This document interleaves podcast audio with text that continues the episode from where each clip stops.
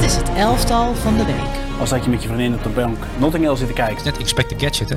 Ik heb uh, afgelopen weekend over voorassist gedroomd. Onnavolgbaar. Hij is weer ouderwets een absoluut statistieke monster. Dus dat is gewoon mooi. Dit is zo'n romcom. Van Suleiman en Jarno. Ja, het is dinsdag en dus tijd voor het elftal van de week. We hebben weer volop voetbal gekeken. En uh, dit keer een elftal met een oude bekende. Een absolute wereldster. En iemand die ik voor het eerst ja, eigenlijk aan het werk heb gezien, Suleiman. En dat vind ik altijd leuk aan jouw elftal. Er zit iedere keer weer een verrassende naam bij. En die verrassende naam is, nou ja, een, een nummer 10 puur zang. Prachtige voetballer, prachtige paas, prachtig linkerbeen. Ook het uiterlijk van een nummer 10, hè? Oh, alles heeft hij. Ja. Dus het was echt wel, na het zien van die beelden, dacht ik van, we zouden een aflevering alleen al over hem kunnen maken. Is dat zo? Was Ja. je zo enthousiast? Ja. Oké. Ja, Ja, mooi. jij zei, je, je, je gaf mij een lijstje mee met, met de naam. En dan wat ging het er ook over van die spelers uitlichten. ja. En waar je blij van wordt. Van die jongen, we gaan hem straks eh, benoemen, Oké. ben ik echt heel erg blij. Gelukkig zelfs. Afwachten dan, want ik, eh, je maakt, maakt mij nu heel erg, eh, heel erg nieuwsgierig. Nou, wat, waar, waar, waar jij blij van wordt. Ja, precies. Zullen we naar het elftal gelijk kijken? Mhm. Hier is het, het elftal van deze week. Met een, nou, we gaan het vooral over de C's hebben van deze doelman. Hé, hey, wat een mooi veldje heb je gemaakt. Ja, uitstekend hè. Matthijs is goed bezig geweest. Eh, een prachtig middenveld overigens. Een good old spits. Echt, nou ja, die, die prachtig dingen liet zien. Maar laten we eens beginnen met de doelman. En dat is in dit geval eh Morit Diaw.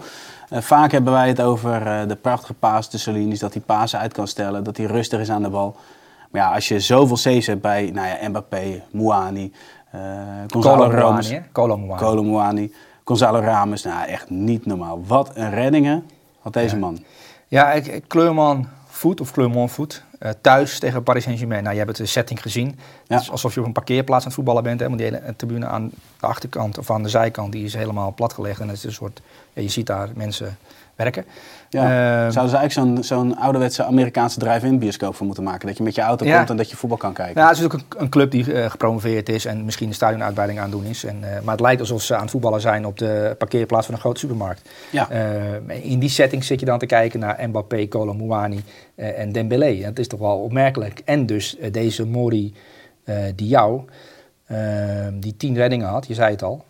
En in de eerste helft had hij één echt waanzinnige redding. En in de tweede had hij ook een redding dat hij op de grond zat en dat hij de bal toch nog... dat was eh, van Colomboani, toch? Dat nog ja, dat, eh, of Dacht van ik. Zaire Emery. Dat zou ook nog kunnen van Zaire Oh, Emery ik was. Maar ja.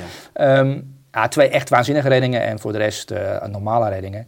Eh, maar dit is wel een doelman eh, die, die, die het al een tijdje goed doet bij Clermont. Eh, maar ja, en 0-0 spelen tegen Paris Saint-Germain is voor zo'n club natuurlijk een fantastisch resultaat. Ehm vandaar dat ik hem genomen had. Ik heb even getwijfeld, want ik had ook nog een andere jongen eh, genomineerd die, die in Spanje opvalt. Een jonge Deen. eh, van 21 jaar uit mijn hoofd. Eh, bij Villarreal staat een hele jonge keeper op doel. Ja. Maar er is ook wel eentje om in de gaten te houden, Filip Jurgensen. Maar ik heb dus voor Mori Diaw gekozen ja, vanwege thuiswedstrijd tegen Paris Saint-Germain. Dan, dan de nul houden, tien reddingen. Ja, je pakt het en hele hij kan ook reden. Jij hebt het over uitstellen van basis en, en dat soort zaken. Ik vond wel dat hij redelijk goed, want Clermont Foot is... Hij speelde niet alles lang, hij speelde wel veel lang. Eh, maar hij probeerde ook wel eens... Maar dat lag meer aan zijn omgeving, want die waren ook gewoon Ja. niet aanspeelbaar Nou- en wilden niet aanspeelbaar zijn. Nou, maar hoeft ook niet tegen Paris Saint-Germain. Want Paris Saint-Germain loert daarop. Die wachten op het moment dat je kort speelt. En dan zetten ze druk. Ja. En dat is daar natuurlijk Leo Jarike bekend om. Dus ja, de trainer heeft waarschijnlijk gezegd... Ja, je kan goed voetballen, maar vandaag even niet. En dat vond ik eigenlijk... hij- Wij voerden dat prima uit. Echt een, eh, een topprestatie van een doelman. Ja, eens. En Een je pakt negen. dan het hele pakket erbij. Eh, overigens, Alisson Becker moest ik ook nog even aan denken. Maar ja, als je Ja. uiteindelijk verliest, maar het, aantal, het reddingspercentage, die gaat dit jaar Ik vond hem in de eerste helft... Alison Becker eh, tegen Tottenham. eh, met het zwarte pak aan. Eh, hij leek... ja, de zwarte panter is natuurlijk... Vanuit het verleden heb je iets zwart-wit beelden. denk je Mhm. Frans de Munk. Zeker, Ehm, ja, ja. Maar ja, hij, hij ziet er echt uit, geweldig uit in dat zwarte pak. En, en heeft hij had, had één redding, dat hij de bal uit de bovenhoek tikt. Eh, met een Frans hoekhand. Maar echt geweldig, Alison Ja, Becker, ja. klopt. Absoluut, absoluut. Hey, we gaan naar de verdedigers en dan eh, beginnen we even met Leo Ostigard. Ja, Ehm, verdediger van Napoli. Er is één paas die blijft bij mij wel hangen. Hij is, hij is heel rustig aan de bal. En dan gaan we op een gegeven moment één keer een snoeiharde paas door de as naar Simeone, de spits ja. van, van dienst bij Napoli die middag. Ja, die paas bij mij wel blijven hangen. Dan zie je wel echt eigenlijk misschien wel zijn, zijn grootste kwaliteit. Hij kan goed verdedigen, rustig aan de bal, maar dan ineens die paas tussen de linies. ja, het is een sterke, kale Noor, hè? Ja. Dat zie je ook wel. En eh, in de duelkracht, eh, als er een bal hoog komt op de Trauner middenlijn, van dan, Napoli, dan is hij, ja, de Trauner van Napoli kan je hem noemen, inderdaad. Ehm, maar Leo Ostigard heb ik eruit gepikt, ook omdat Napoli een seizoens, seizoenstart heeft gehad die niet zo goed was. Maar ze hebben natuurlijk een hele verbouwde defensie eigenlijk. Want je hebt Leo Ja. Ostigard rechtscentraal en dan linkscentraal stond een jongen van 22, Nathan, een Braziliaan. En dat is een totaal nieuw eh, koppel. Eh, en je weet, centraal achterin een totaal nieuw koppel, dat heeft tijd nodig. eh, want het middenveld is min of meer hetzelfde. Dat is helemaal hetzelfde als, als, als Ja. het kampioensjaar. En de voorhoede min of meer ook, hè, natuurlijk. Ehm, dus ja, de achterin is nogal een en ander veranderd. Dat is ook niet gek hè, met het gemis van Minja Kim. Nee, maar dan moet zo'n Leo Ostikar het bijvoorbeeld eh, ja, gaan ja, opvangen en hij moet hem dan vervangen. En dat is niet zo makkelijk. Ehm, maar ik vond, wat jij zei, ik vond hem aan de bal redelijk goed oog. Had ook een eh, twee, drie keer dat hij indribbelde, dat hij, dat hij dacht, oké, ik kan die bal nu kort versturen. Maar dat ga ik niet doen. Ik ga indribbelen en dan het volgende station proberen te zoeken. Dat deed hij allemaal eh, prima. Dus ik dacht, hij is een jongen van 23 jaar. eh, in zijn eerste seizoen bij, bij Napoli. Hij maakt natuurlijk ook een goal ook nog Ja, de 1-0. Dat tel ik dan bij elkaar op. Denk ik, oké, hij kan aardig voetballen. Hij kan best goed verdedigen. Eh, hij is aanvallend sterk. sterk in de Dus er zit is een jongen met potentie. En Minje Kim heeft uiteindelijk maar een jaar bij eh, Napoli gezeten. En dit is ook weer zo'n jongen die, die, die goed gescout is door Napoli. Eh, en wellicht via Napoli ook weer de stap kan zetten naar een echte, Ja. echte topclub. Dus ik wilde Leo Austigard er als mede-Noor, want Noren hou ik ex- extra in de gaten vanwege Haaland. Want ja, het lijkt wel alsof in Noorwegen nu al, eh, aan de lopende band eh, voetballers worden afgeleverd. Hè. Dat Dus is we wel bijzonder. over een potentiële wereldkampioen misschien wel. Nou ja, eh, ik hoop zo erg dat Noorwegen een toernooi haalt. Ook omdat ik Ha- Haaland op een toernooi wil zien. Ja. Ehm, maar, maar ja, maar dat zit, dat zit er ook dit keer weer niet in. Hè? Want eh, ik weet niet, de EK-kwalificatiepool heb ik niet uit mijn hoofd. Ik had me moeten voorbereiden, heb ik niet gedaan.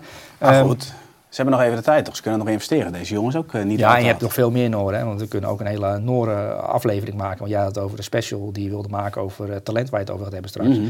Maar we kunnen ook een heel Noren special maken. Daar heb ik trouwens geen zin in, maar dat zou wel kunnen. Ja, precies. Maar goed, het diamantoog dat eh, blijkt ook aanwezig te zijn in, in Napels. Ja, Toch? Ja, ze hebben in, in, in Napoli ook een diamantenogen rondlopen. Want ja, Kvaratskhelia eh, was uit vorm. Hè? En we hebben het natuurlijk eh, uitgebreid over Kvaratskhelia gehad afgelopen seizoen. En toen dwong je mij en ik dwong jou ook eh, tot het kiezen tussen een aantal spelers. En zou je Kvaratskhelia wel nemen? En toen was jij de sceptische die zei van... En, en terecht, ja, die, dit Kvaratskhelia, je weet eigenlijk niet helemaal precies wat je gaat krijgen als hij een ho- niveautje hoger gaat. Ehm, en hij was minder vanaf het begin van het seizoen. Maar eh, Ik de zag nu laatste... alweer wat momenten. Ja, er zijn nu, en, Van Basten heeft die Rondo er eentje uitgepikt dat hij een balletje eh, over de doelman heen wipt en dan afmaakt. Ja, da- daarin zie je zijn eh, klasse. Ja, dat is een speciale klasse die, eh, die je niet kunt aanleren. Dat kun je als trainer niet vertellen aan een speler. Nee. Dit heb je wel of niet. Ehm, en, maar die is ook weer in vorm aan het dragen. En eh een Ozyman die is natuurlijk eh, ja, op TikTok belachelijk gemaakt door een clubmedewerker. En dat is natuurlijk... eh, eh, weet je je het gezien hebt, de beeld, dat ja. op de club aankomt, dat hij zijn spelers niet aankijkt. Eh, zo- Zo'n zo'n diva die eventjes wil laten weten van, ja, ik ben hier wel de grote jongen. Hè, en dat, Maar dat filmpje jullie zouden allemaal. voor jou kunnen maken, toch? Sorry? Zo'n filmpje zouden we voor jou ook wel kunnen maken, denk ik. Ben ik ook zo? Nee. Naar collega's toe? Nee, maar ik heb, ik heb je eh, zien lopen over Schiphol met dat mooie pak, weet je. Je was eh, met VE Travel op pad. Oh ja, een oh, mooie derby. Je gaat trouwens weer een mooie voetbalreis maken, hè? Ik heb geen idee, dat is mij niet verteld nog. Ja, maar... dat is nog een verrassing voor Oh, dat is nog een verrassing. Ja, ja. Oh, ik zou het heel leuk, weet je wat ik leuk zou vinden? Eh, heel even kort. Ik zou eigenlijk niet willen weten waar ik naartoe ga. En dat ik dan op Schiphol aankom en dat ik dan een, een cadeaubox mag openmaken. En ik dan de bestemming zie. Dat zou ik heel leuk vinden. Een VE Travel unboxing. Unboxing op Schiphol zelf. Nou, dat gaan we regelen. Dat zou ik tof vinden. Dat gaan we regelen. Ehm, Maakt het dan ook nog uit wie Maar mag ik iets over de pak zeggen en over, over de scène op Schiphol? Want eh, er zijn mensen die denken echt dat ik op die manier over Schiphol eh, wandel. En dat ik totaal de weg kwijt ben om half zeven 's ochtends. Want het was om half zeven 's Ja? ochtends. Oh, dat is dus niet zo. Ja, dat is wel zo. Nee, dat is niet zo. nee, maar ik, ik zal je vertellen hoe dat dan gaat. Eh, Matthijs is cameraman en, en, en, en, en, en- en- en content creator. Ja, ja. Dus hij bedenkt iets en dat vindt hij leuk. En hij is ehm, idolaat, wil ik niet zeggen. Ja, wil ik eigenlijk wel zeggen. Hij is idolaat van eh, een, een zanger die ook in een sche- schele zwembroek optreedt. ja. Eh, die in de PC Hoofdstraat woont, als Ja. ik het goed heb. Dries Roelvink. Dries Roelvink Ja, inderdaad. ja, zeker. Ehm, eh, en op TikTok die vindt hij, hij vindt die wijnfilmpjes geweldig. Dus eh, als hij met zijn eh, vriendin uit eten gaat, dan doet hij altijd Dries Roelvink na. Dus hij is uh, ja, knettergek.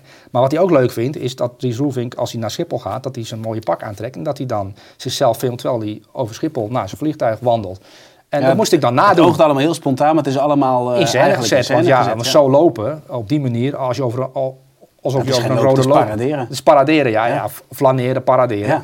Ehm, om half zeven 's ochtends, terwijl je snakt naar koffie, want ik wilde koffie hebben. Nee, even één keertje langs, eh nog Ja, maar keer. dat is Matthijs, hè? Want ik heb het zeven keer overnieuw moeten doen, hè. Ja, maar Matthijs is niet snel tevreden. Dat weet jij. Nee, want het was dan, dan liep ik niet goed of ik keek in de camera of eh, weet je wel. En dan, dus, dus die scène, er zit heel veel werk in, in, in, die, in die hele spontane scène. Wilde ik even gezegd hebben. Ja. Voordat mensen denken dat ik totaal aan het doordraaien ben. Maar eerlijk, de reis was weer top. Alles is goed geregeld. Ja, ik heb het honderd keer gezegd al, maar ik heb genoten. Goed zo. Cijfer voor Ostergaard. Eh, Nu is Matthijs wel een paar weken ziek al, hè, sinds die reis.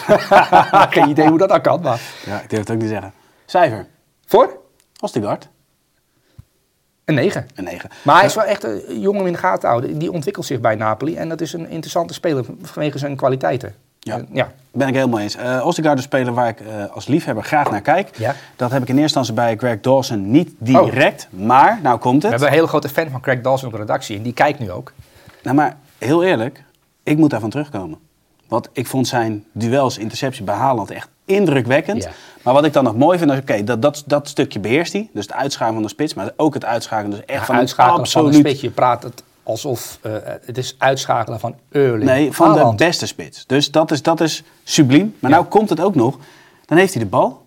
En dan komt die gigantische kolos van de Noor. Die komt op hem afgestormd. Ja. En hij blijft gewoon rustig. En hij geeft gewoon balletjes tussen Ja. linies. Ja, vanaf dat moment denk ik van oké, ik moet alles terugnemen. Jarno, je had het fout.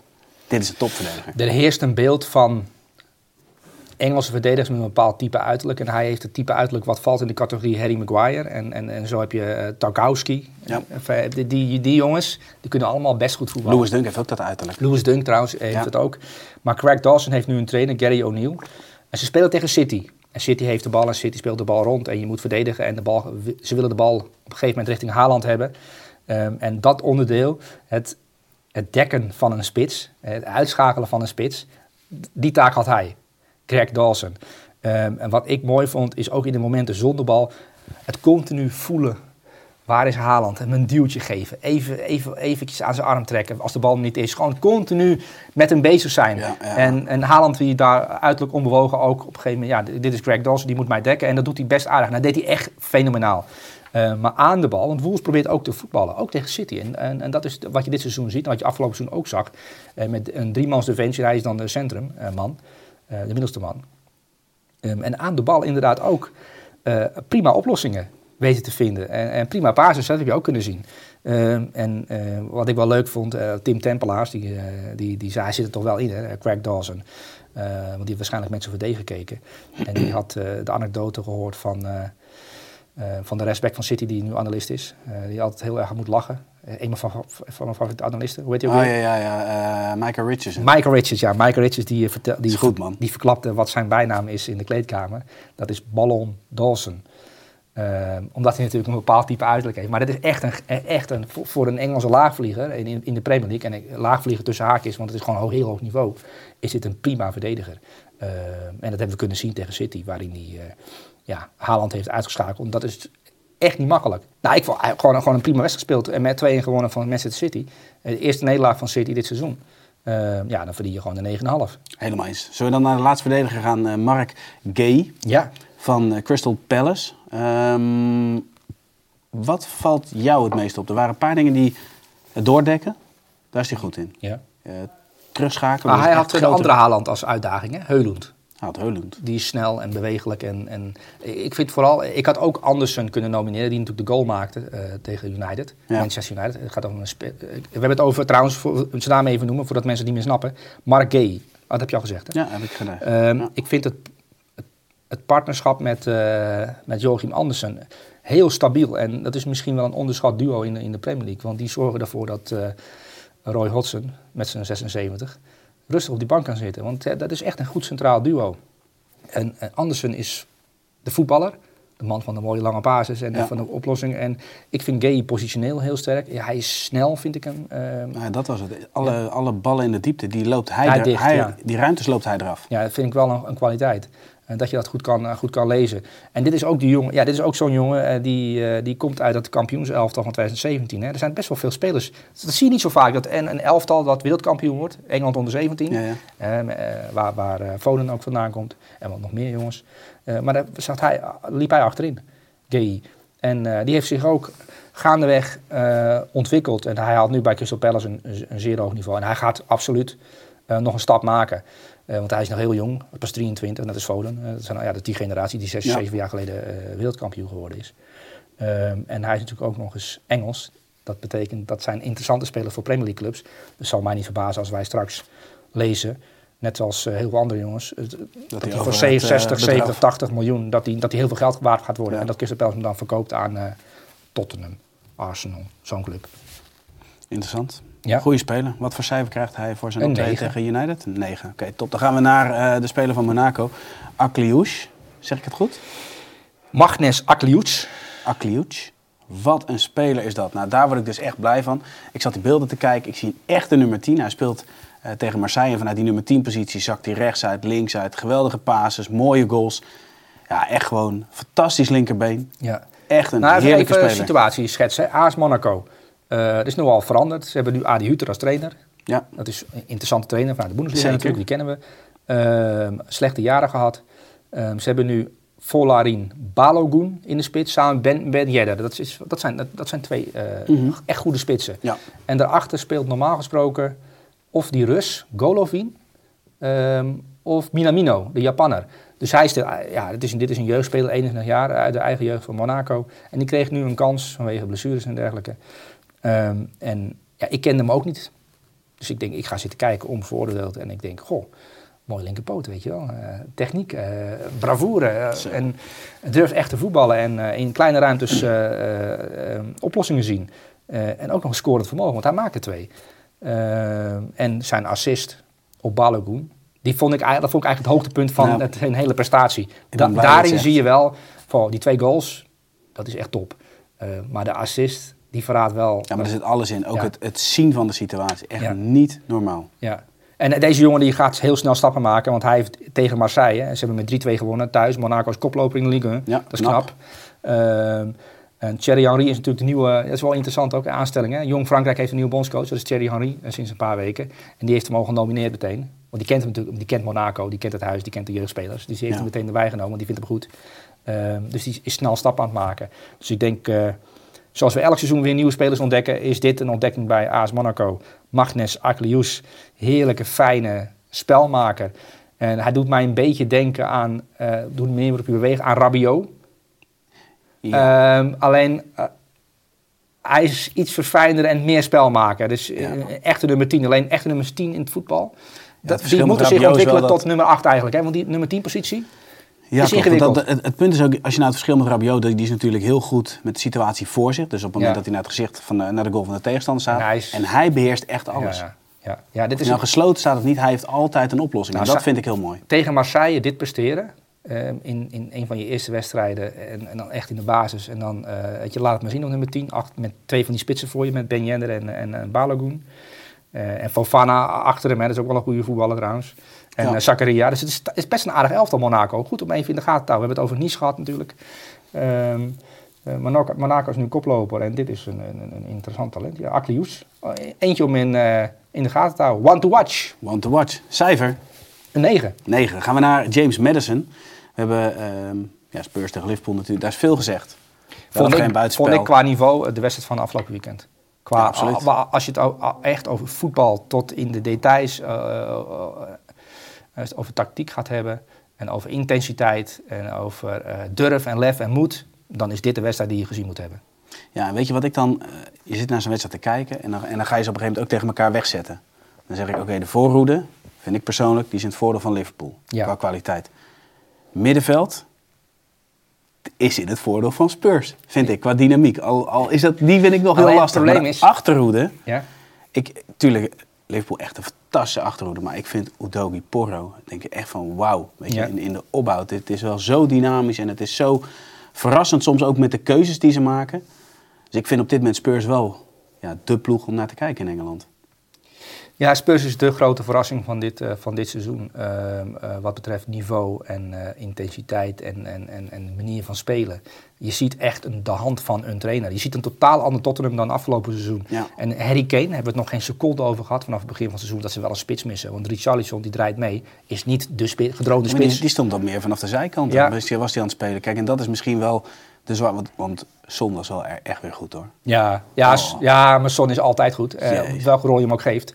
Ehm, dat is gewoon een soldaat. Ja, want had nu eigenlijk de Harry Kane rol. Ja, ja en, en, en Maar goed, we hebben het over Madison en, en Nou, fantastische basis. En Madison heb ik v- genoteerd. ehm, ehm, want ja, ook zonder bal. En, en- want je hebt het over eh, van achteruit de opbouw. Dat is natuurlijk al heel vaak over daarover gegaan. Maar eh, Liverpool zet agressief druk. Hè? Maar het druk zetten van Tottenham op de helft van de tegenstander. Als Liverpool, want met Alisson Bakker heeft de bal en die gaat dan naar Van Dijk het bal proberen te spelen. En de druk zetten van Madison ook. Dus dat is, is ook in de manier van druk zetten. eh, zit ook heel veel training, arbeid en intelligentie in. Eh, want Tottenham zet ook nog eens echt goed druk. En daar is Madison een van de belangrijkste personen in. Ja, samen met Son. Want die, Ja, dat, is samen met echt, Son. dat is een beetje, eh, Pieter had laatst uitgelegd, die 19 druk. Ja, dit jaar, dat stuk. Ja. Maar dat beheerst hij echt als geen ander. De, Ja. niet, maar de intensiteit ervan is gewoon enorm hoog. En dan zie je dat de rest van het team gewoon heel compact staat. En op het moment dat ze er doorheen komen, dan lossen zij het weer op. En dan knallen zij door. Ja, dit is wel een interessant team. Ehm, ik heb inderdaad druk zetten opbouwen. En hij is in, in de opbouw belangrijk als terugzakkende team. Als, ja, wat is dat? Hoe noem je dat? Hij is echt een extra verdediger middenveld dan op dat moment. Van oké, de bal kan niet naar Yves Bouzuma. De bal kan niet naar Pedro Porro. De bal kan niet naar Destiny Udo- Udogi. De bal kan niet naar Romero. Want de tegenstander, Liverpool, heeft zich goed voorbereid. Gaan jullie maar voetballen, want we hebben iedereen gedekt. En dan komt Madison in beeld. En dan moet je kiezen. Ja. En dan, en dan beginnen ze. Ehm, en andersom, eh, bij druk zetten ook. En, en, wa- en wat ik genoteerd heb, de paas op die Charlie de voorassist van de 1-0. Ja. Ja. Timing. Ja, die timing van die paas. Ja. Dus het is wel een vrij complete prestatie. Verdedigen, aanvallen, opbouwen, druk zetten. En ook nog eens creatief zijn. Want Absoluut. die voorassist op de 1-0, die was briljant. Maar had nog een keer zo'n paas met buitenkant rechts eh, aan, eh, in de tweede helft. Ja, was ook een eh, fenomenale paas waar net geen goal uitkwam. En de lied voor de trainer is groot hè, na afloop. Hoe heet het liedje van Robbie Williams? Angels Instead. Ja. Angel, weet je wel, ken je dat liedje? Ja, maar ik ga het niet zingen. Oh, je gaat niet zingen. Nee, ik heb niet zo Nou, maar hebben ze nu een variant eh, in het stadion en met, eh met Posteoglu, met Angie instead. En ja, het is heel veel lied voor deze trainer. Ehm, die ook afgelopen weken weer heeft uitgelegd dat hij nauwelijks met zijn spelers converseert. Hij, hij bouwt geen persoonlijke band op met zijn jongens. Daar hebben, heeft andere, andere mensen voor. Oh. En hij is heel afstandelijk. Dat vind ik wel mooi om te zien. Hoe gaat, dat, hoe gaat dat dan precies? Nou, hij is dus iemand die, die, die dus... ehm, hij wil mo- moeilijke keuzes kunnen maken. En, en hij, wil geen, eh, hij wil James Madison geen aardige vent vinden. Want dan, dan, dan wordt hij beïnvloed in het maken van een keuze. En hij wil gewoon de beste elf opstellen elke keer weer. eh, op basis van wat hij ziet op de training en op basis van wat hij ziet in de wedstrijden. Ehm, en hij gaat dan niet in de kleed. Hij komt bijvoorbeeld nooit in de kleedkamer eh, om de jongens te huggen en te knuffelen. En nee, hij is iemand die op afstand dat team monitort. Eh, en natuurlijk is hij wel aanwezig en vertelt de jongens wel, wel eh, wat ze moeten doen. En is hij wel met besprekingen aanwezig om te Dus hij uitleggen. is alleen met inhoud bezig. met inhoud, ja, totaal met inhoud bezig. En niet met eh, eh, de persoon. de knuffeltje hier, knuffeltje. Hey, top, lekker gozer. Jij, jij speelt volgende week Nou, wel. En dan hoe anders is de, was de manager tegenover hem? Als je nou ziet, ik zag die beelden op een gegeven moment bij Gravenberg, hoe hij dan in in zijn, in zijn eigen woonkamertje op Enfield, laat maar zeggen, hem... Het is een keuze, hè? De Ja, een eens. zo en de ander managt op die manier. Ja, ik ben altijd benieuwd wat dan, nou ja, precies de uitwerking, want- linksom, rechtsom, er zal wel iemand in zijn staf, want dat is het toch eigenlijk. Je moet je staf complementair Tuurlijk. maken. Als jij dat mist, dan moet, moet iemand anders het hebben. Klop is En- een mensenvanger. Klop is iemand die, die, die een kamer binnenkomt en dan iedereen wordt vrolijk. Ehm, en dan heb je een assistent. Nou, je Pepijn weet, Leijners. Pepijn Leijners is inhoud. Want als je Pepijn Leijners vraagt eh, naar inhoud, krijg je inhoud. Hè? Dat weten we natuurlijk allemaal. Zeker. Ehm, ehm, en, en, ja, en Jurgen Klopp, eh, dat is ook inhoud, maar er zit een verpakking omheen. Eh, en ja, en Postuolu, die kijkt soms een beetje naar beneden, zoals Bielsa als hij praat. Eh, maar die is puur bezig met, eh, met inhoud. Is ook niet bezig met populariteitsprijs. Maar ik heb echt een interessant interview met hem gezien, met Postuolu, met Gary Lineker, eh, op het complex van, eh, van Spurs. Eh, want hij is best oud al, hè, 56, hij is bijna 60 en hij heeft nu zijn eerste echte kans in de top. Eh, en Gary Lineker vroeg aan hem van ja, wat heb je de afgelopen jaren dan gedaan? Is niemand ooit een keer bij je uitgekomen? En dan zei hij ja, ik had wel het gevoel dat ik, eh, dat ik echt goed bezig was, dat ik een bepaalde filosofie had, dat, het- dat ik het goed op de rit had. Maar ik heb nooit die kans gekregen. Eh, en Celtic was zijn eerste echte kans om te laten zien wat voor trainer hij was. Buiten Japan en Australië en dat soort contraien, waar je natuurlijk ook gewoon je, je werk kan leveren.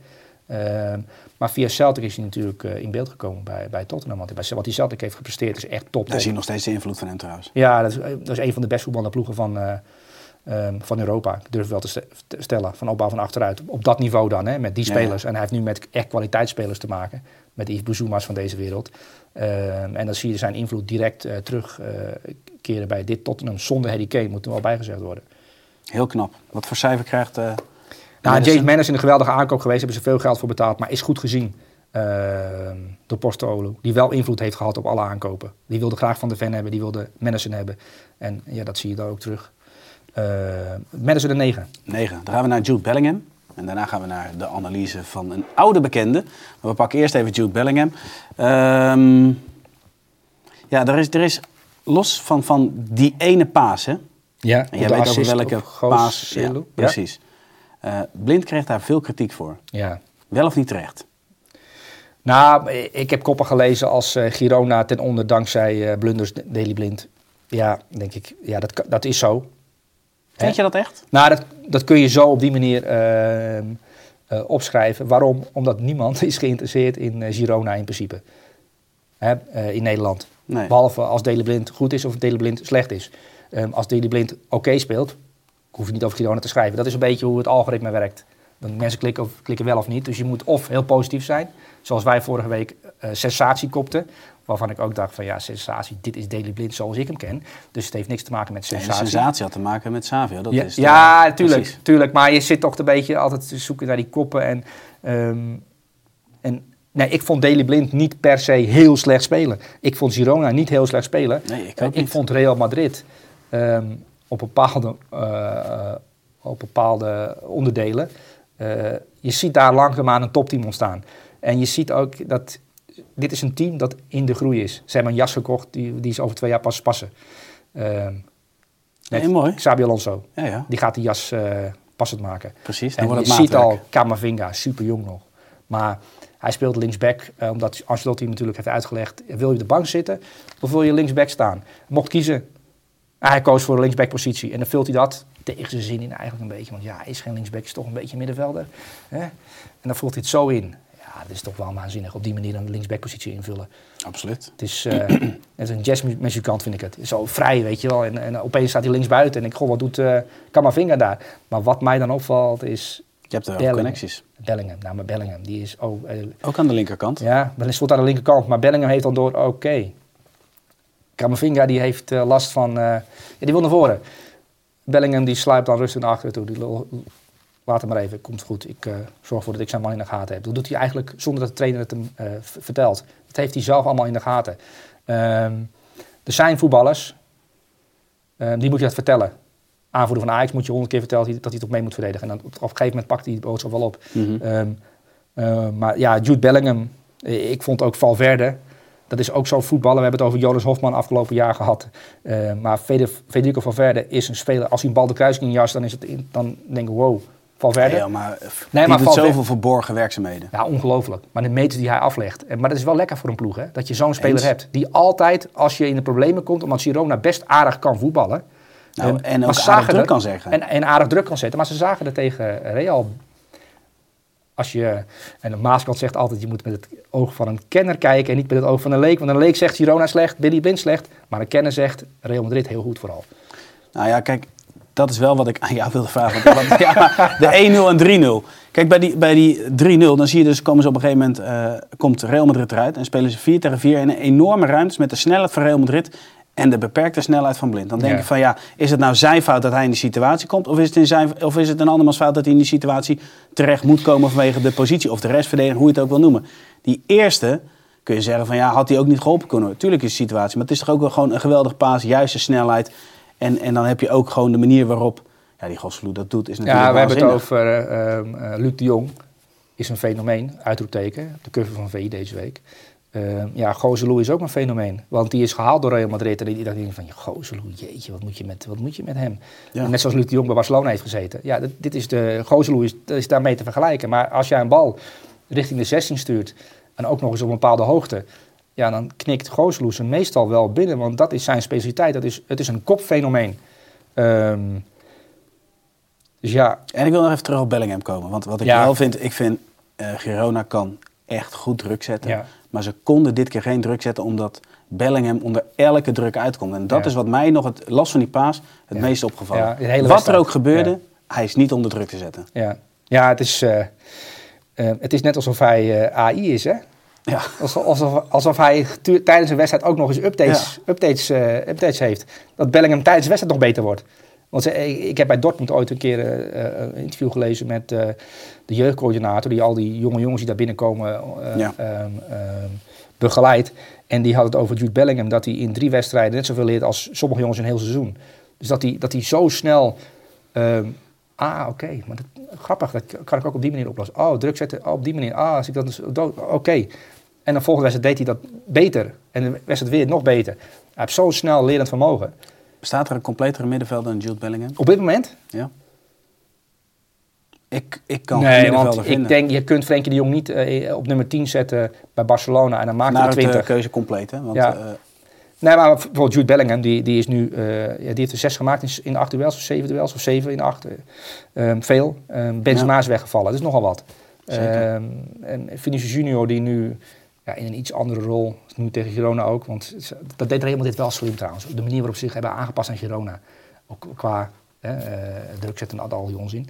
Ehm, maar Jude Bellingham, die kun je dus links op middenveld zetten, die kun je op vijf zetten, die kun je op acht zetten, die kun je op zes zetten. Ehm, die kun je op 10 zetten, die kun je in de spits zetten. Ehm, ik denk ook dat je hem op doel kunt zetten. Dat hij dan ook, eh, dat hij dan ook Ja? een invloed... Ja, ik denk ook dat je hem op doel kunt zetten, ja. ja.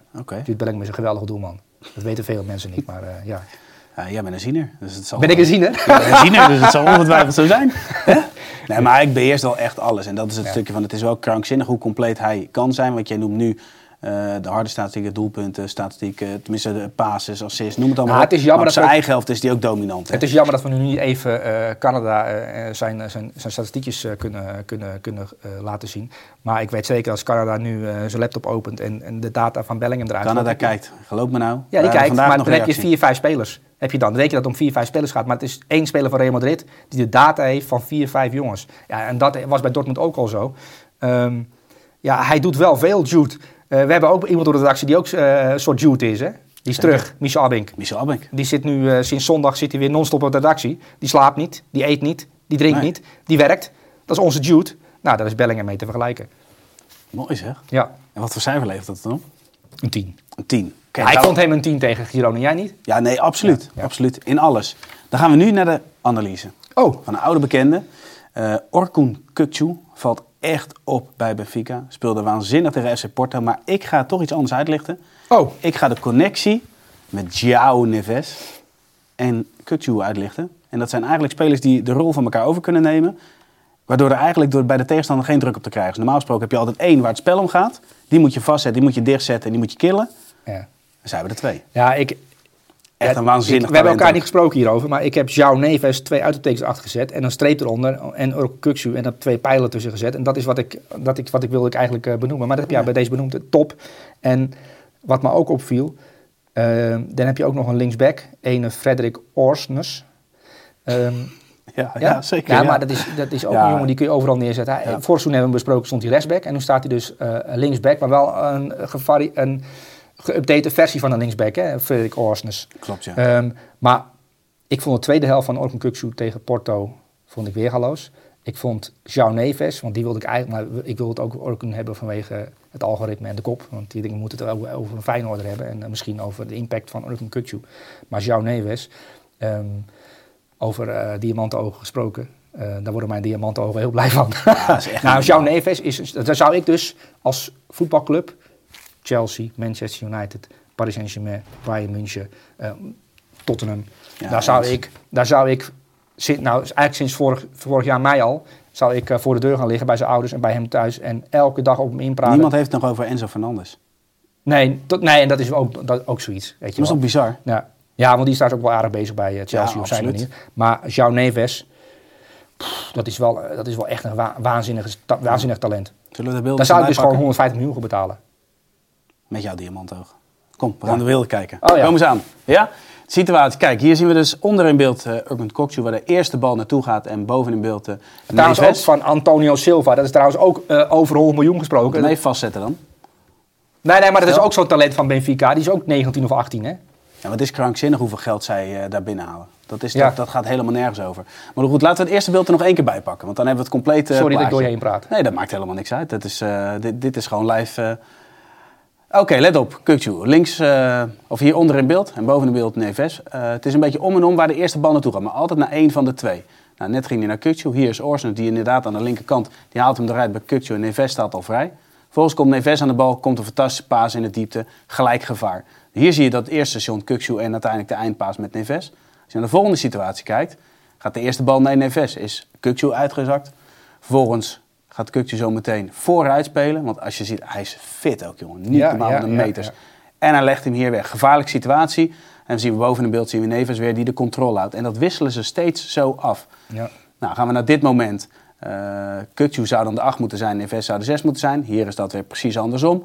Dus ze wisselen ook daar in elkaar af. En dit vond ik wel heel mooi. Ook in het verdedigen werken ze echt optimaal samen. Ze sluiten hier terug. Ze winnen straks die tweede bal. En dan zie je gewoon weer ja, de, de kwaliteit. Hup, laten vallen en we doorvoetballen. Het is zo'n waanzinnig duo dit. Ja.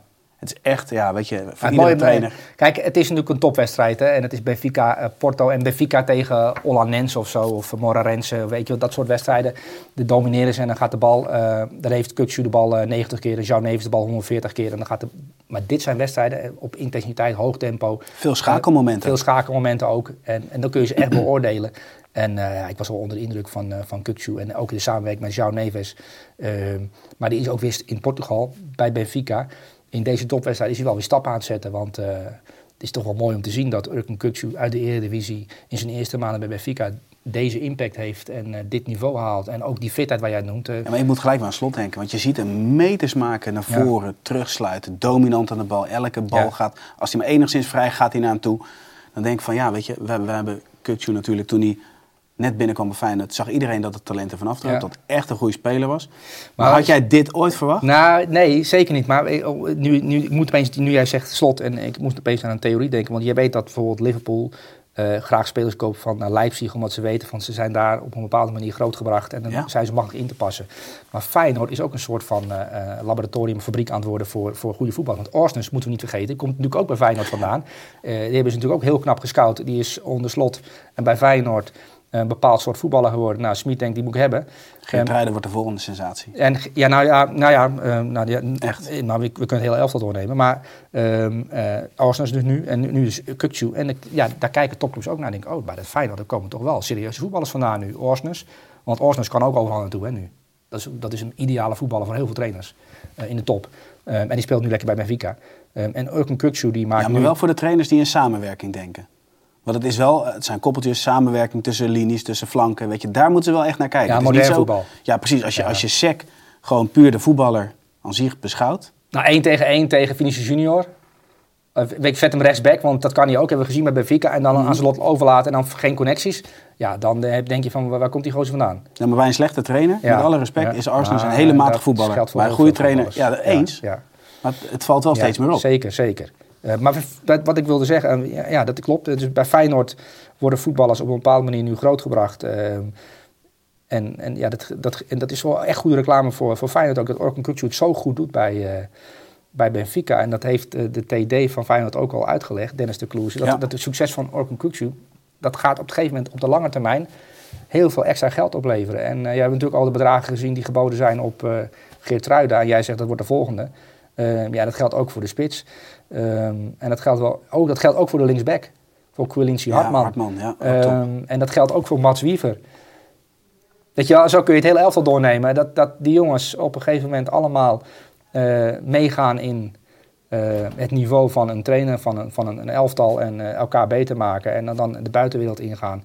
En dan daar niet tegenvallen. Nee, en dan betekent... moeten we ook weer een beetje terug in de tijd gaan. Want dan moet de Kloes denk ik ook gaan nadenken. Overmars deed dat toch met bepaalde spelers veel. Die, die ma maakte dan eigenlijk een mondeling, of tenminste een soort herenakkoord. Jij bent de volgende die mag gaan. En zo sprak hij met die toptalenten. Maar dat het wel gefaseerd ging. Ja, niet in één keer allemaal. Nee, dat, dat zou echt een schrikbeeld zijn. Dat ja. en straks slot weggaat en dat je een hele nou ja, blik aan uh, toptalenten kwijtraakt. Ja. Dat is wel de kunst van hoe ga je dat toch gefaseerd. Uh, Ja, dat is, dat is natuurlijk... AS Monaco heeft dat meegemaakt. Eh, in 2017 toen was ze kampioen met Mbappé, weet je het nog? Ja, ja. En dan is ook de hele elftal verkocht. En die spelen overal in Europa nu. Eh, en dan komt er een nieuwe TD en die wil eigenlijk het kunstje herhalen. Die had allemaal nieuwe jongens. En dan wordt het lastig. En dan speel je tegen degradatie ineens. Eh, en zo kun je allerlei eh, clubs opnoemen die, die, die, die op een gegeven moment een bundeling van talent hadden. Frankfurt kan ik me herinneren. En dat is ook hele voorhoede weggekocht destijds. Hè, Ja, met Haller ja. en Jovic en zo. Met Kostic. Eh, ja, dat is inderdaad dat is een, grote uitdaging. Eh, maar nu, als we ons richten op, eh, op, op, op, deze prestatie van Orkun Kukcu, dat is voor Feyenoord reclame, dat is voor Orkun Kukcu reclame. En hij heeft natuurlijk de ambitie om naar de top van de Premier League te gaan, naar Arsenal en dat soort clubs. Eh, ja, hij, hij maakt nu wel zo snel stappen dat ze ook bij die, die topclubs nu aan het kijken zijn. En Jouw Neves is super interessant. Eh, en Orkun Kukcu is ook zich zodanig aan het ontwikkelen dat je op een gegeven moment denkt, ja, daar, daar kun je eigenlijk niet meer omheen. Hij is zo goed aan het worden. Maar wel dankzij ook een goede trainer. Want Smit is toch met terugwerkende kracht, eh, met dit toptalent, bij deze grote club, wel echt een goede trainer. Want ik, vind, ik ben echt aan het genieten van Benfica. Ja, helemaal eens. Wat voor cijfer krijgt uh, Kukcu voor zijn negen. Dan gaan we naar de aanval. Welke aanvallen gaan we beginnen, Soelie? De welke jij wil. Zullen we dan beginnen met Ollie Watkins? Ja, Dat is, ehm, nou ja, de 6-1 zege op Brighton. En ik weet niet hoe dat, hoe dat bij jou zit, maar ik krijg dan toch wel eens berichtjes van... eh zo, Brighton is toch zo goed? Ja. eh, hoe kan dit? En weet je, echt vanuit die hoedanigheid. En eh, nogmaals, logisch, snap ik, maar ehm, ik geniet nog steeds van Brighton, ondanks de 6-1 nederlaag. Je ziet nog steeds dingen terug, alleen het was gewoon niet zo goed als ze het normaal gesproken uit. Dus de uitvoering was gewoon minder, de, het idee daarachter is wel blijft hetzelfde. Kijk, Brighton eh, wil van achteruit opbouwen en, eh, en, en dan kun je druk zetten en dan weten ze onderuit te spelen. Maar Unai Emery die is toch wel een goede trainer en die heeft ook Ja. de wapens. Want Ollie Watkins, en, en, en, want hij heeft natuurlijk drie goals gemaakt. En daar kunnen we het over hebben, want het is echt knap. Want het, hij is de tweede hat van dit seizoen. Ja, maar zijn en- partner is daar ook een onderdeel van. Zeker, maar het, de, de, ja, absoluut. Eh, maar het druk zetten van Ollie Watkins, als je, als je dat ziet, dat, met die overgave. Maar ook in minuut 89 nog gewoon. Hè. En in minuut 80, minuut 70, dan heb je, ben je al de gevierde man. Er staat enorm veel, je staat voor, de wedstrijd is gespeeld. Maar eh, uitvoering van een plan van een trainer. eh, en Ollie Watkins, eh, waar kun je zeggen, wat kan hij nou goed? Is hij nou echt super technisch? Niet echt. Hij is natuurlijk super snel. Hij, is- hij heeft enorm veel dynamiek en intensiteit.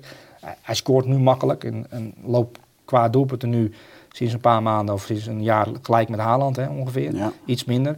Ehm, maar ik vind de manier waarop eh Aston Villa eh Brighton bespeelde en, ehm, en, en de machine van Brighton eigenlijk eh, traineren, kapot maakte. Ja. Door Brighton had het echt lastig om, om die dynamiek van Aston Villa, om daar eh, iets tegenover te zetten. Ook omdat ze kwaliteit misten misschien her en der op, op, de- op het veld. Ehm, maar dat vond ik vooral eh, interessant om te zien. Dat Ollie Watkins is meer dan een spits. Dat is ook een wapen tegen ploegen als Brighton. Maar samen met Diaby, want dat is Ja, ja, met Diaby, echt ja. kanonnen zijn dat. Ja. Maar jij zegt van, van niet heel veel techniek, maar wel in elke situatie onder de hoogste snelheid, laat maar zeggen, voldoende controle over. Ja, maar eh, het gaat, ik bedoel meer met een Nederlandse bril op kijken we altijd naar een spits. Dat hij eh, ook een soort van Ja. moet zijn. Nee, dat, dat bedoel ik. Nee, dat kan niet. Ehm, dat, dat is, het, is geen, eh, het is geen nummer 9 en een nummer 10. Nee. Het is echt een, een. Als hij terechtkomt bij een trainer die dat, dat wil, dan wordt, komt hij op de bank terecht. Maar als hij met Unai Emery en, en eh, we spelen op deze manier en Diaby heb je gelijk in. En ook Saniolo trouwens, die ook weer helemaal opgeleefd Ja, ja, is eh, bij. Aston Villa. Leuk om te zien. Ja, Zo'n absoluut. zo'n fr- frivole technische playboy. Die daar nu ook in die machinerie van Aston Villa toch zijn, zijn ding doet. Ehm, ja, leuk om te zien. En. Unai Emery, dat is toch ook weer... Die is helemaal terug als trainer. Absoluut, absoluut. Eh, Watkins, wat voor cijfer krijgt hij? Een 9. 9. Dan gaan we nu naar Orsolini van Bologna. Ehm, drie doelpunten. Speelde een uitstekende wedstrijd. Wat ik leuk vond bij het terugkijken van de beelden, is de rol van Zirkzee. Ja. Daar hadden wij het eigenlijk eh, maandag al even over. Dat nou, ik had tegen jou gezegd eh, van dat ik het eh, best wel opvallend vind... dat het helemaal niet over Joshua Zirkzee gaat in, in, in de Nederlandse media. Ehm, wel over Daley Blind, die zo gruwelijk slecht was. Maar dan denk ik van ja, er is al een aantal weken een Nederlander bij Bologna bezig. En hij krijgt, ja, zeker in de thuiswedstrijd, altijd eh, een staande ovatie voor, voor een aantal acties. En eh, ook tegen ehm, Empoli. Ze winnen met 3-0 en Orsolini, de man die aan de rechterkant st- staat... ehm, ja, die valt dan op en die krijgt natuurlijk alle applaus. En eh, geweldig ook. Orsolini is echt clubman en eh, mensen op de, stonden op de banken voor hem. Ja, Eh, zeker de derde maar- goal was vrij, ja. maar goed, ga door. Maar gedurende die, die, die wedstrijd zie je dat eh, Joshua Zirkzee, dat is een, een voetballer die, eh, die langzaamaan ja, de richting de top aan het bewegen is. En eh, ik zie daar echt, echt enorm veel kwaliteiten. En eh, er is ook altijd kritiek geweest op die jongen dat hij niet zoveel scoort. Hè? Dat hij niet, niet echt een nummer 9 is die, die diep gaat en zo. Dat hij wat meer diepgang mag hebben. Maar je ziet dat hij... eh, Maar dat uitzakken beheerst hij wel weer heel goed. ja, waanzinnig goed. Ehm, ehm, hij laat echt geweldige dingen. Hij gaf op een gegeven moment een bal. Ehm, dan had hij zelf kunnen schieten als hij Haaland was geweest. Dan had hij zelf geschoten. Maar hij legde hem opzij en dat was eigenlijk een nog betere schotkans werd dat. Ehm, en daarin zie je wel dat hij als nummer 9 eh, wel echt de ziel heeft van de nummer 10. En dat is wel mooi om te zien. En dat soort spitsen, Kane heeft het ook natuurlijk eh, lange tijd gehad. Firmino. Firmino eh, is, is daar een voorbeeld van. Eh, Karim Benzema in zijn latere Gakpo fase. doet het nu. Gakpo doet het nu. Eh, maar hij is ook die kant aan het opbewegen dat, eh, dat hij eh, kan- zich kan laten uitzakken en dan een middenvelder wordt. En, en in de spits wordt hij steeds beter.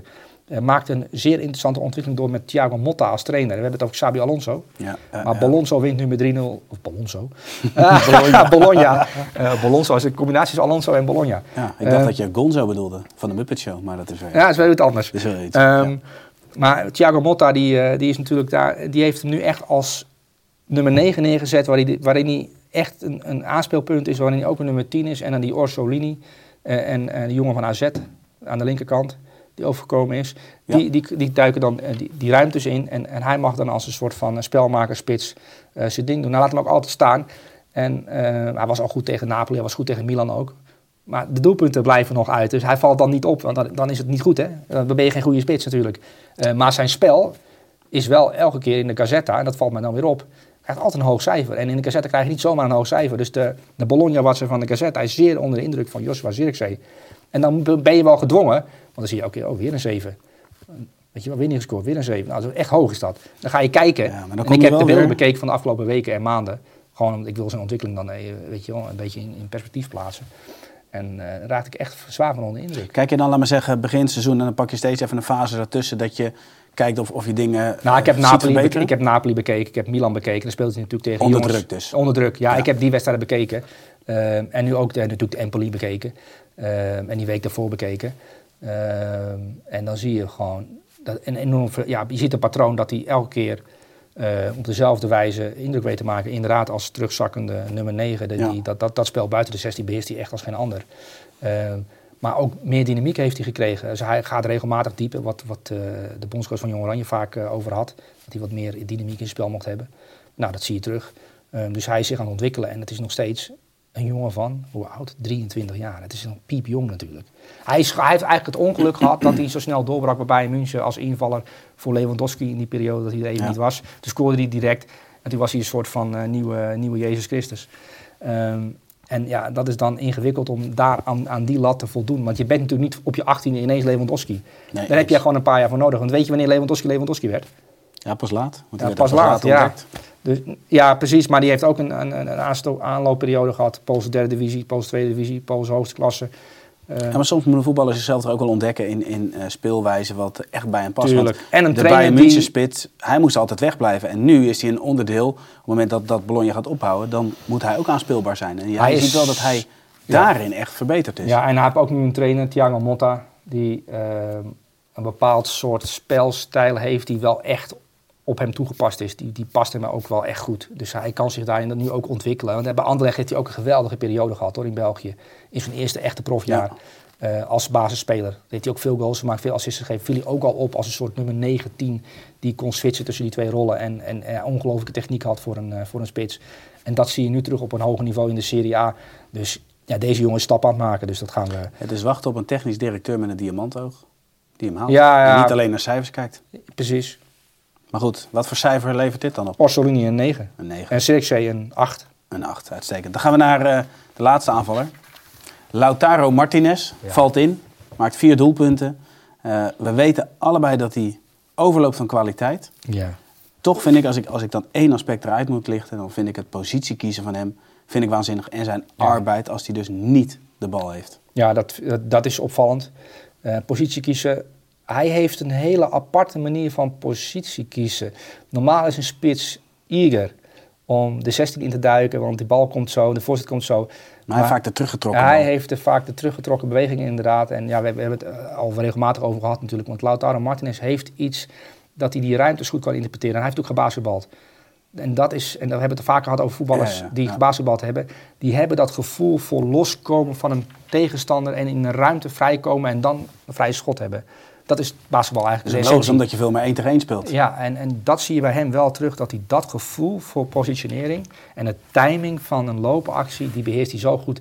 Want hij staat opvallend vrij elke keer als hij die bal rustig binnentikt. Ja. En ehm, ja, Zie je bij die laatste ook. Je ziet hem sprinten, stoppen, teruglopen, ja, simpel inschieten. tikken, ja. Ja, en eh, ik vond dit half uur van hem, het was maar een half uur natuurlijk, Ja. ehm, echt een masterclass van een volleerd spits die, die bij Inter. Dit is wel echt, dit is wel echt topkwaliteit wat hij laat zien nu. En, en, en ja, Inter speelt natuurlijk 3-5-2 en eh, wingbacks en Dumfries hebben het vaak over en eh, Barella en zo. Ehm, en ze hebben natuurlijk, hij heeft natuurlijk een nieuwe, nieuwe partner nu voorin. Eh, maar Lautaro Martinez maakt wel echt het verschil als, eh als doelpunt te maken. Maar ook iemand die, we hebben het net gehad over nummers 9 en 10. En dat kan hij, dat, beheerst, dat fac- Ja. facet beheerst hij ook. Echt een complete spits geworden. En eh, ja, ik was wel versteld van de kwaliteit in dit half uur wat hij leverde. Dat was wel echt een, eh, ja, die vier goals is natuurlijk al briljant. Vier goals maken in een half uur in de Serie A. Eh, terwijl je ploeg 0-0 staat, dan komt bij 0-0 stand natuurlijk erin tegen Salernitana. eh, in een uitwedstrijd. Dat is eigenlijk al een reden voor een team. Maar dan ook nog eens na de 3-0 op die manier druk zetten, zodat je ploeg... Hè, dat, dat- ze dwingen eigenlijk Salernitana om een bepaalde bal te spelen en dan is het omschakelen en, en doelpunt. En dat na, dat na drie goals, dan denk je, oh ja, hij is echt goed geworden. Lautaro Martinez, een van de beste spitsen ter wereld. Ja, bizar is dat, hè? Want ik, als je nou dat WK er bijvoorbeeld bij pakt, dan vond ik Ja. hem ongelukkig. Ja. Ja, ja, er waren natuurlijk wel een aantal andere mensen wel gelukkig. Eh, hij is wel wereldkampioen geworden. Ehm, maar het, het ja, ik heb to- heel toevallig heb ik daar vanochtend in de auto over na zitten denken wie je moet opstellen bij Argentinië in de spits. Want Messi speelt altijd, als er een echte wedstrijd is. Ehm, en je hebt natuurlijk Julian Alvarez en Lautaro Martinez. En je kunt ze allebei opstellen met Messi in de buurt. Dan heb je het, maar Inmiddels kan het wel, want Alvarez heeft natuurlijk ook eh, aangetoond dat hij met Haaland samen Ja, kan spelen. niet- waarbij dat- Martinez dan echt de spits zou kunnen zijn en hij de valspits. Het zou Kevin, kunnen. ja, maar Julian Alvarez is nu Kevin de Bruyne, hè? Precies. Tijdelijk even. Nou, en Kevin de Bruyne kan prima samenspelen met Lionel Messi. Ja. Toch? Ja. Nou, het is zo, het is zo simpel Ja. eigenlijk. Maar Lautaro Martinez, was, was je ook onder de indruk? Ja, absoluut. Maar, meer ja. dan alleen de doelpunten. Dat Ja. vind ik het ook wel interessant. Ja, maar van, wat, wat, laat hij dan nog meer zien, weet je wel? En dat... eh, het, was, het was gewoon één brok energie dat het veld in kwam. In alle opzichten. Ja. Maar mooi elftal weer. Mooi, hè? Ja, goed ja, er is weer geen spel tussen te krijgen, zoals altijd. Nee. Dit zijn de diamanten, diamantenogen die eh, hun Oh. werk weer gedaan hebben. Ja, en, en mensen moeten toch wel even terugkijken naar die parel van Monaco. Aklius. Ja, weer even terugkijken. Ja, ja daar was je, je blij van. Zo, niet normaal. Ja. Ja. Ja, daar word ik echt gewoon, ja, gewoon gelukkig ook weg van. Ja. Dus dat. Bij mooie eh, eh, Fulham-Chelsea eh, gisteravond scoorde Moedrik. En toen vierde Enzo Fernandez en de Moises Caicedo. Die vierden alsof zij samen het goal hadden mogelijk gemaakt. Die waren zo blij van Moedrik. Dat, dat, dat is een positief signaal. Ik denk, hé, dat team dat is tot op met, met hem bezig. Vond ik mooi om te zien. Ja, eens. Nou, Enzo Fernandez trouwens in zijn eentje. In dit slecht draaiende elftal. Dan zie je dingen dat je denkt van ja, hij kan echt waanzinnig goed voetballen. Ja, bij hem Ge- zie ik het, gun bij hem Caicedo een- zie ik het nog niet terug. Niet de Caicedo van Brighton. Nee, nog niet, maar dat komt wel. Dat, komt dat, duo Enzo Fernandez en Caicedo, als daar een, als daar een ploeg omheen gaat ontstaan, dan eh, gaan we mooie dingen zien. Mooi. Sully, mag ik jou danken voor je tijd? Nee. Nee? Oké. Nee. Sully, bedankt. En jongens, jullie bedankt voor het kijken. Ja, laat even in de comments weten wat je van het elftal vindt. En eh, ja, zoals iedere dinsdag komen we dan ook volgende week weer terug met een nieuwe aflevering van het elftal van de week. Doei! Dit is het elftal van de week. Als dat je met je vriendin op de bank Notting Hill zit te kijken. Net Inspector Gadget, hè? Ik heb eh, afgelopen weekend over voorassist gedroomd. Onnavolgbaar. Hij is weer ouderwets een absoluut statistiekenmonster. Dus dat is gewoon mooi. Dit is zo'n romcom. Van Suleiman en Jar.